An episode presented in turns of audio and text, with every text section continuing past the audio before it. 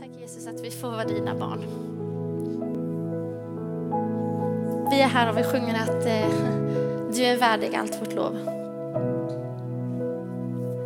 Du är värdig, vår kung, som seger vunnit över allting. Gud, vi är här för att vi vill be att du öppnar våra hjärtan som vi sjöng tidigare.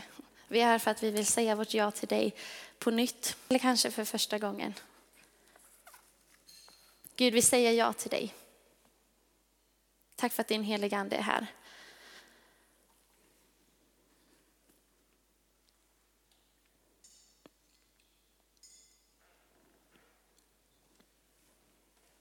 Amen.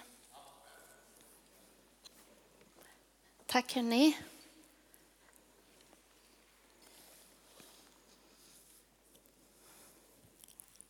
Tuggummi bort. Hörni, vad gött att det är torsdag igen. Förra torsdagen så hade vi ju skärtorsdag. Då firade vi en annan typ av gudstjänst här. Eh, en Getsemane-gudstjänst. Eh, och, eh, men det är gött att, att vara tillbaka, ha en vanlig torsdag tillsammans med er igen. Den här våren så går vi igenom bergspredikan. En av Jesu kanske mest kända undervisningar från Bibeln som vi kan läsa om i Matteus 5, 6 och 7. Eh, och eh, vi har tidigare pratat om eh, vilka vi är som Jesus lärjungar, att vem, vad vi är tänkta att vara som församling, som salt och ljus. Vi har pratat om vilka handlingar och attityder som speglar en lärjunge. Förra veckan eller för två veckor sedan så talade Benjamin om givande. Eh, och eh, nu är vi inne i eh, kapitel 6. Så ska vi fortsätta och dagens text är Matteus 6, vers 5 till 15. Så vi hoppar in i texten direkt här. Ni kan följa med på skärmen eller med egen bibel eller egen telefon eller så. Det är alltså Jesus som, som säger detta. När ni ber ska ni inte vara som hycklarna som älskar att stå och be i synagogorna och i gathörnen för att synas inför människor. Jag säger er sanningen, de har redan fått ut sin lön. Nej, när du ber, gå då in i din kammare och stäng din dörr och be till din far som är i det fördolda. Då ska din far som ser i det fördolda belöna dig. Och när ni ber ska ni inte rabbla tomma ord som hedningarna. De tänker att de ska bli bönhörda för sina många ords skull. Var inte som dem, för er far vet vad ni behöver redan innan ni ber honom om det. Så Jesus har sagt lite, gör inte så här. Eh, det här är fel, för det är inte gjort med, med riktigt hjärta. Och så säger han istället, så här kan ni be, så här ska ni be. Vår far i himlen, låt ditt namn bli helgat. Låt ditt rike komma, låt din vilja ske på jorden så som i himlen. Ge oss idag vårt dagliga bröd och in, förlåt oss våra skulder så som vi förlåter dem som står i skuld till oss. Och för oss inte in i frestelse utan fräls oss från det onda. För om ni förlåter människorna deras överträdelser ska er himmelske far också förlåta er. Men om ni inte förlåter människorna ska inte heller er far förlåta era överträdelser. Yes, det är detta stycke som vi eh, ska prata lite om idag. Eh, det här är alltså ett, ett eh, stycke och hela den här bergspredikan är en undervisning för de lärjungar som säger sitt ja till Jesus, som vill följa honom, som vill växa närmare Gud. Så det är till, till dem som, som Jesus talar. Så om, om du känner i ditt hjärta, yes, det där är ju jag, jag är ju lärjunge till Gud. Eh, jag vill komma närmare honom. Jag vill växa i min relation. Då är det precis till dig som Gud, Gud talar och som Jesus eh, lär att be. Och den här bönen då, den är ju ganska liksom känd. Vår fader eller Fader vår. Eh, den tar ungefär 33 sekunder för mig att be från början till slut. Det är liksom ingen superlång bön. Ehm, och det är inte heller som att jag brukar alltid räkna och nästa gång jag ber så hoppas jag att jag kan be på 30, sen kanske 27, 23, 20. Det är inte så jag menar, men bara för att jämföra med det som Jesus pratade om i början här att Jesus varnar för att rabbla inte långa böner. Var inte som hycklarna. De älskar att stå upp där de syns och de ber långa böner. Jag gissar att det var sjukt liksom, kristna ord de använde, eh, krångliga formuleringar kanske. Eh, och sen så säger Jesus, be den här enkla bönen, men dock liksom så innehållsrika. Och bön, det är ju på något sätt kommunikation mellan Gud och människa. Mellan Gud och lärjunge. Och det är nog därför som Jesus var för det här, att stå och rabbla böner, eh, stå och komma på fina formuleringar. För att vad är det för typ av relation? Vad är det för kommunikation liksom?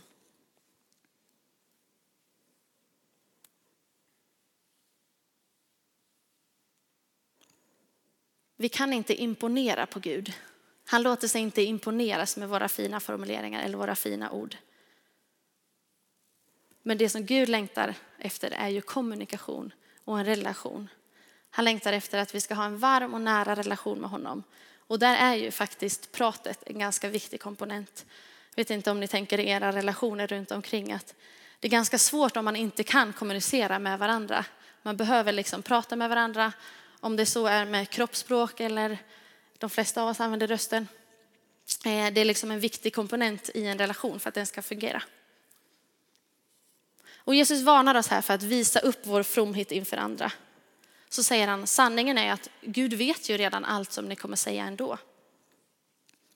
Så bönens syfte verkar inte vara att informera Gud om saker han inte riktigt har koll på eller att tömma ut hela vårt hjärtas längtan över det här tänker jag på just nu. Utan bönens syfte verkar vara att ha en kommunikation, en pågående kommunikation mellan Gud och sina barn. Och just den här bönen, vår fader, det är liksom inget magiskt med den. Abrakadabra och så lyssnar Gud skitnoga för att det var Jesus som sa att vi skulle be den. Utan det är Gud ser ju till vårt hjärta. Ber vi bönen med vårt hjärta eller inte? Och jag tycker att det är faktiskt ganska lätt att låtsas. Jag har vuxit upp i kyrkan och eh, jag har bett den här bönen många gånger med mitt hjärta. Men jag har också många gånger varit en hycklare, rabblat bönen, inte tänkt på vad jag har bett. Kanske gjort det på 27,5 sekund för att få somna lite tidigare eller något annat. Vi ber ju den här bönen tillsammans varje tisdag här i, i Linnékyrkan i samband med, med nattvarden. Jag och min man Axel, vi har som rutin att vi ber den här bönen tillsammans på kvällen innan vi somnar. Och det är verkligen stor skillnad på att rabbla en bön, att läsa en bön eller att verkligen be den.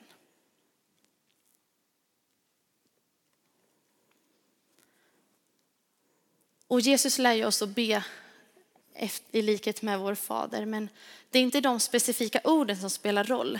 Såklart ligger det liksom att be i likhet med det här, men Jesus lär oss att be på det där sättet. Så att du kan lika gärna liksom omformulera till dina egna ord, eh, men ha samma hjärta och samma tanke bakom. Men det vi ska göra idag är att kolla lite på de här fraserna och eh, vad egentligen är som Jesus lär oss att be. Han börjar ju så här, vår far som är i himlen. Helgat vare ditt namn. Hur naturlig början är inte det? Jesus adresserar den han pratar med. Hej pappa, du som bor i himlen. Hallå där. Roger är ju väldigt bra exempel på att hälsa på människor. Varje gång han träffar någon så känns det som att hallå där kommer upp och så kommer någon lite tilltal, sexy boy eller ens namn ibland eller annat. Liksom. Det är ganska, det är ganska,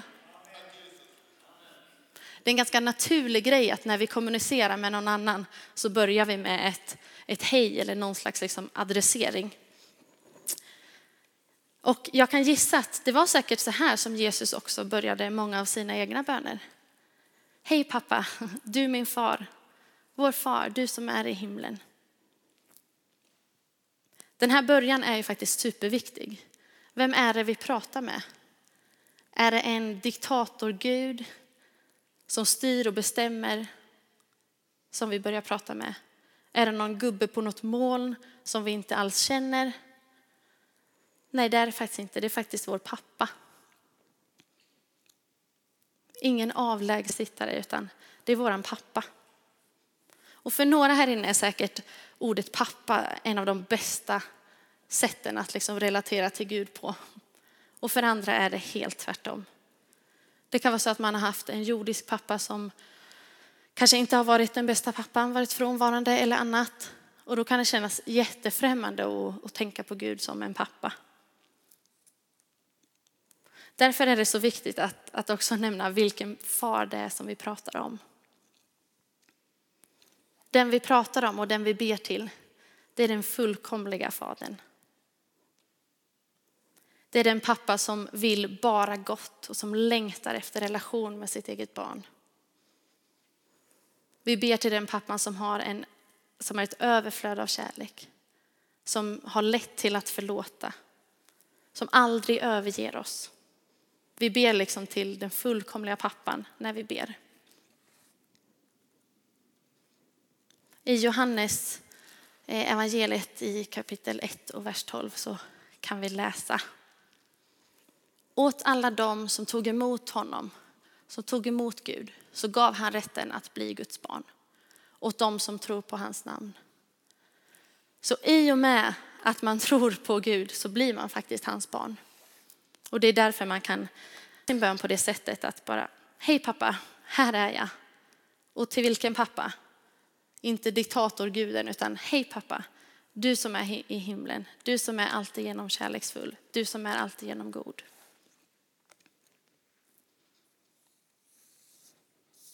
Vad ber vi till honom då? Vi säger låt ditt namn bli helgat. Ett litet konstigt, eller konstigt ord, men lite gammaldags kanske man kan tycka. Men när vi ber ut det här, låt ditt namn bli helgat, låt ditt namn vara heligt, så ber vi att vår pappas namn ska respekteras, att det ska vördnas. I Sverige, i våra liv, personligen, i våra församlingar. Vi ber att hans namn ska förbli speciellt. Vi ber att Guds fruktan ska återuppbyggas. Vi ber också för oss själva och våra egna hjärtan att inte tänka för ytligt eller för slarvigt om vem Gud är, utan att hans namn i allt ska få lyftas upp. I Göteborg, i Sverige, i världen. Jesus han var alltid mån om att sin pappas namn skulle bli ärat. Sen säger han, låt ditt rike komma. Guds rike. I Guds rike så är det Jesus som är Herre.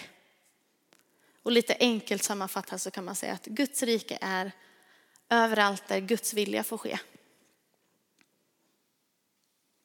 I Romarbrevet 14 och vers 17 så skriver Paulus om Guds rike att det är, Guds rike är rättfärdighet och frid och glädje i den heliga ande. För det är så att Gud skapar den här världen god eh, och sen så kom, vände människan sig bort från Gud och synden kom in i den här världen. Och från och med den stunden så är världen under den ondas välde. Och det kanske inte krävs så jättemycket för oss för att förstå det. Eh, vi kan kolla bara på nyheterna eller runt omkring oss eller i vår familj eller bland våra vänner så ser vi sjukdom, vi ser dödsskjutningar, ser tsunamis, katastrofer, eh, sorg på olika sätt. För i denna värld, i det här världsriket, då är det någon annan som styr. Så kanske nu, 2019, är det mer än någonsin lämpligt och det behövs att vi ber ut, låt ditt rike komma. Guds rike som är rättfärdighet, frid, lek. Och när vi ber ut det här så ber vi att de här grejerna ska få råda i våra hem, på våra arbetsplatser och till alla människor vi möter egentligen. Jag tänker också att när vi tar emot Gud så planteras lite av Guds rike i våra hjärtan. Så när vi också ber ut det här, låt ditt rike komma, då ber vi också ut över oss själva, låt det där frö som du har planterat i mig få ta ännu mer plats. Så att jag får bara lysa Jesus där jag går fram. Låt ditt rike få liksom ta över hela mitt liv.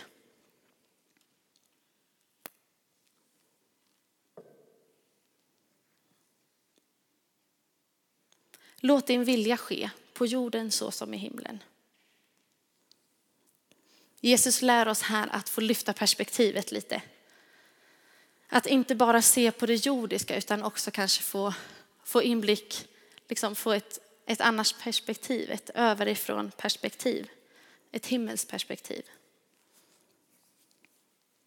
Ni kanske, några av er har hört talas om, om den berättelsen i Gamla Testamentet som handlar om David och Goliat. Den är berättad om i Samuelsboken, första Samuelsboken tror jag det ehm, Och där är, kommer en superstor man som är kraftig, han är stark, han är lång, han har pondus, han har auktoritet. Ehm, han är liksom läskig skulle nog jag tänka om jag fick möta honom. Liksom. Mm, större än Roger till och med. Jo, men jag tror det. Eh, I alla fall, och så, ska, så kommer han eh, till ett folk och alla blir jätterädda. Saul blir jätterädd, folket blir jätterädda för den här mannen. Så finns det en liten, liten kille, eller ja, alltså jag vet inte hur liten, men han är i alla fall i jämförelse med den här bjässen så är han väldigt liten, som heter David. Eh, och det är så tydligt i den här berättelsen att Saul och de andra som blir jätterädda, de ser liksom det jordiska, de ser det fysiska framför sig. Okej, okay, han är jättelång, han har mer biceps, han är jättetung. Allt det här ser de. Men David får på något sätt se eh, det himmelska perspektivet att ja, kanske fysiskt sett är han starkare, men andligt sett så är han inte det. Eh, och så får, får David sen vara med och eh, besegra den här jätten och, eh, och sådär. Och när vi ber ut det här, låt din vilja ske på som i himlen, då får vi be att vi får en sån här eh, lyftblick. Att vi får se det andliga, se det som Gud ser. Så att vi får vara med och eh, förverkliga Guds vilja på jorden. Precis som David fick göra i, i sin situation.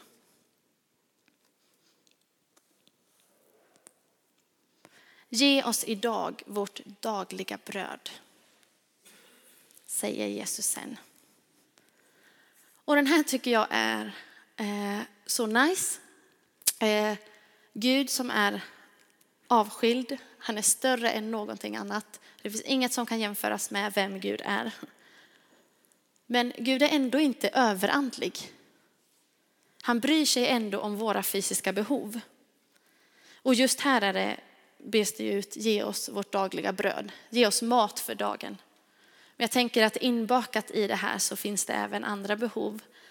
Eh, hem, trygghet, sysselsättning. Och vad Jesus lär oss att be är inte liksom typ en stor gåva. Gud ge mig tre eller fyra, fem miljoner så kan jag klara mig hela livet. Så har jag mat för dagen. Jag har, kan köpa hur många villor jag vill och så. Det är inte det som Jesus lär oss att be, utan ge mig så att jag klarar mig för dagen.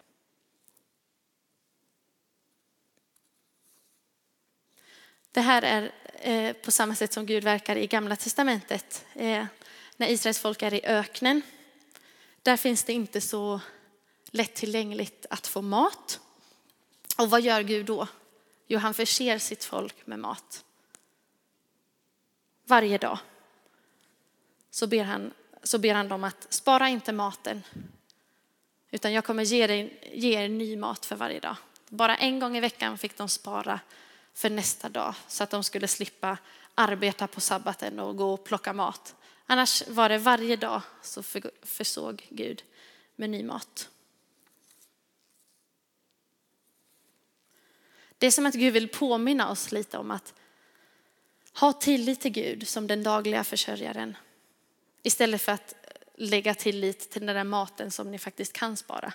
För Gud är också en Gud av överflöd så det fanns uppenbarligen mm, mat att spara för dem. Men Gud ville lära dem någonting. En relation, en tillit liksom.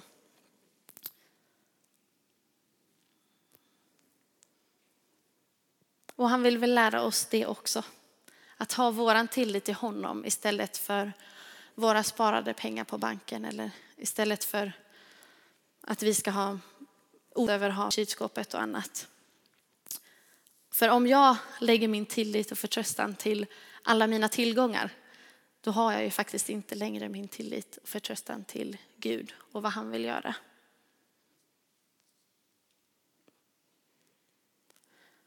Förlåt oss våra skulder så som vi förlåter dem som står i skuld till oss. Den här är lite jobbig. För vad vi, vad vi typ ber är ju, Gud jag ber att du ska förlåta mig lika mycket som jag förlåter andra. Och vi är ju helt beroende av att Gud förlåter våra synder. Om Gud inte förlåter våra synder, då är vi körda. Vi behöver ju honom. Och kanske var det så att Jesus fattade att lärjungarna inte riktigt fick med den här poängen när han undervisade. I alla fall är den så pass viktig för Jesus att efter hela bönen, vår fader, så tar han upp det igen.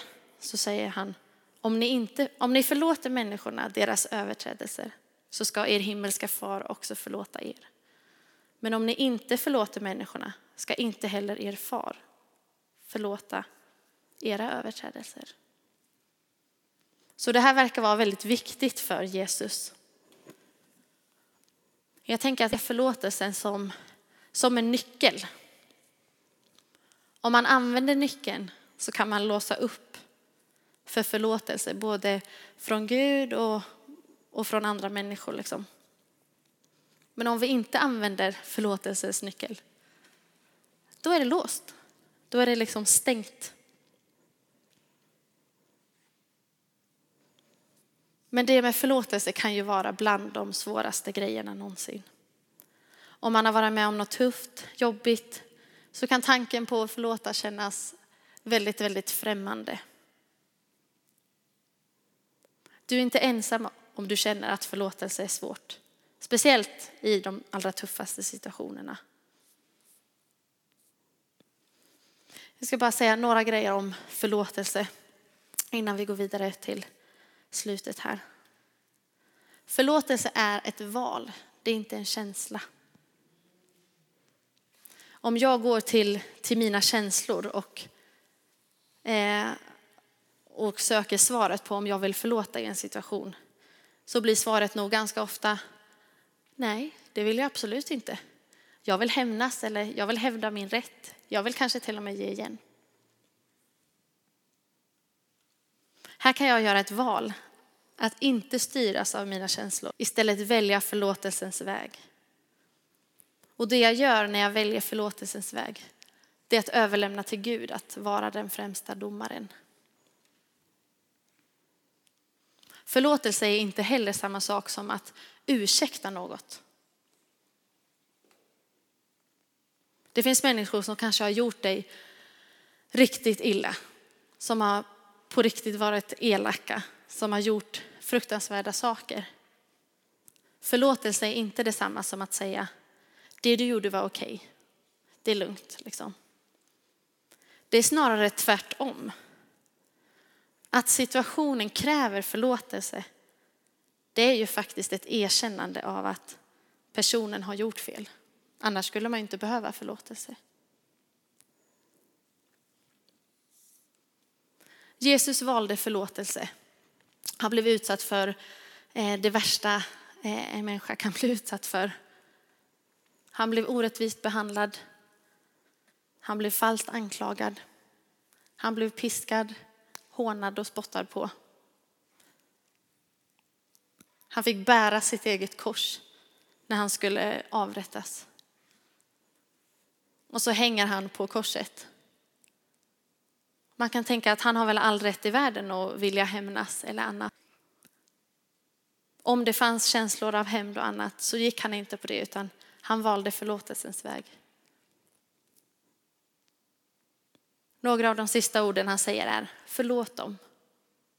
De vet inte vad de gör. I hela den här bönen, vår Fader, så ska vi hela tiden vara ärliga med Gud. Om förlåtelse är något du tycker är supersvårt eller om tillit är något du tycker är supersvårt, säg det till Gud. Han vet ju redan allt. Gud, det här med förlåtelse är så svårt. Jag tänker bara negativt om den här personen som har gjort det här mot mig. Snälla hjälp mig. Gud, det här med tillit, jag klarar inte det. Jag vill ju ha min tillit någon annanstans. Snälla hjälp mig Gud. Vi behöver ju inte låtsas. Gud vet ju allt i alla fall. Gud vill inte bara att vi ska förlåta utan han är också vår läkare. Han vill hela sår och skador som har uppstått i situationer eller relationer.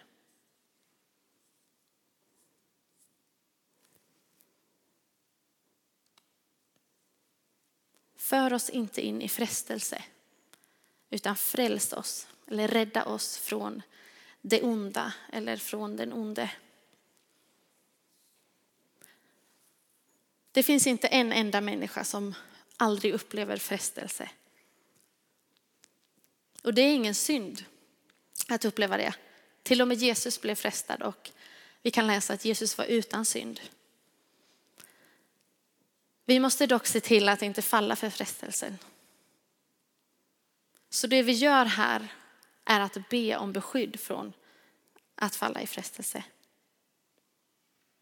Vi ber om beskydd från den ondes attacker. Och vi ber att den onde inte ska få det sista ordet, utan Gud ska få det.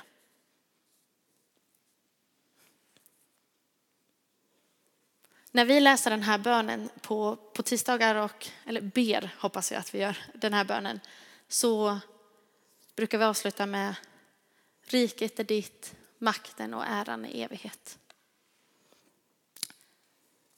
Ja, I Bibeln, några handskrifter och så saknar det här stället och några har med det. Ehm, men personligen tycker jag att det är en helt spot on avslutning. Verkligen eh, sätter tillbaka fokus på Gud igen. Och jag tycker inte att det är en bra avslutning för att orden är fina eller de är så fint formulerade eller det låter så bra. Utan just av den anledningen att Gud ges all ära i evighet. All makt, all ära är hans. Vi får också proklamera att segern är vunnen. Djävulen är besegrad. Segern tillhör Gud. Och vi får tala ut det här i, i den andliga världen och i den jordiska. Att Guds rike och hans ära ska få bestå i evighet. Slutligen då. Jag vet inte om du har tänkt på det nu när, när vi har talat om det här, men bönens upplägg är ganska, ganska talande tycker jag. Det börjar ju med att man adresserar Gud. Vår fader som är i himlen. Hej Gud. Sen så säger man tre saker eh, om Gud. Man ber Helgat vare ditt namn. Låt ditt rike komma och låt din vilja ske. Det är liksom fokus, de tre grejerna. Och först efter det så handlar bönen om oss. Gud, du som är allt det här, du ser också våra behov. Och så ber vi om våra egna behov. Mat för dagen, eh, förlåtelse och beskydd från frestelse. Och sen får man avsluta bönen med att bara upphöja Gud över allting, i alla tider, i evighet. Det är så Jesus lär oss att be.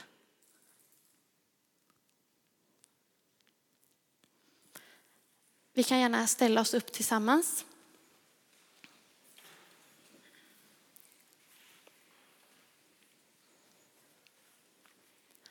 Jag tänkte att vi ska be den här bönen tillsammans. Vi ska, eh, om man vill, göra allt, allt vi kan för att liksom verkligen be bönen. Inte rabbla den, inte säga den, inte läsa den. Utan verkligen be den och mena det. Så vi kanske gör det, jag leder oss i bönen, vi kanske gör det lite långsammare. Eh, så att det får liksom sjunka in. Men känn dig fri om du vill vara med eller bara stå och, stå och blunda eller, eller så. Kan vi få upp den? Vår Fader, du som är i himlen. Låt ditt namn bli helgat. Låt ditt rike komma. Låt din vilja ske på jorden så som i himlen. Idag det bröd vi behöver. Förlåt oss våra skulder, liksom vi har förlåtit dem som står i skuld till oss. Och utsätt oss inte för prövning, utan rädda oss från det onda. Ditt är riket, din är makten och äran i evighet. Amen. Tack Jesus att du lär oss att be. Tack för att vi kan få gå tillbaka till, till de här orden och eh, lära oss, oss av dig.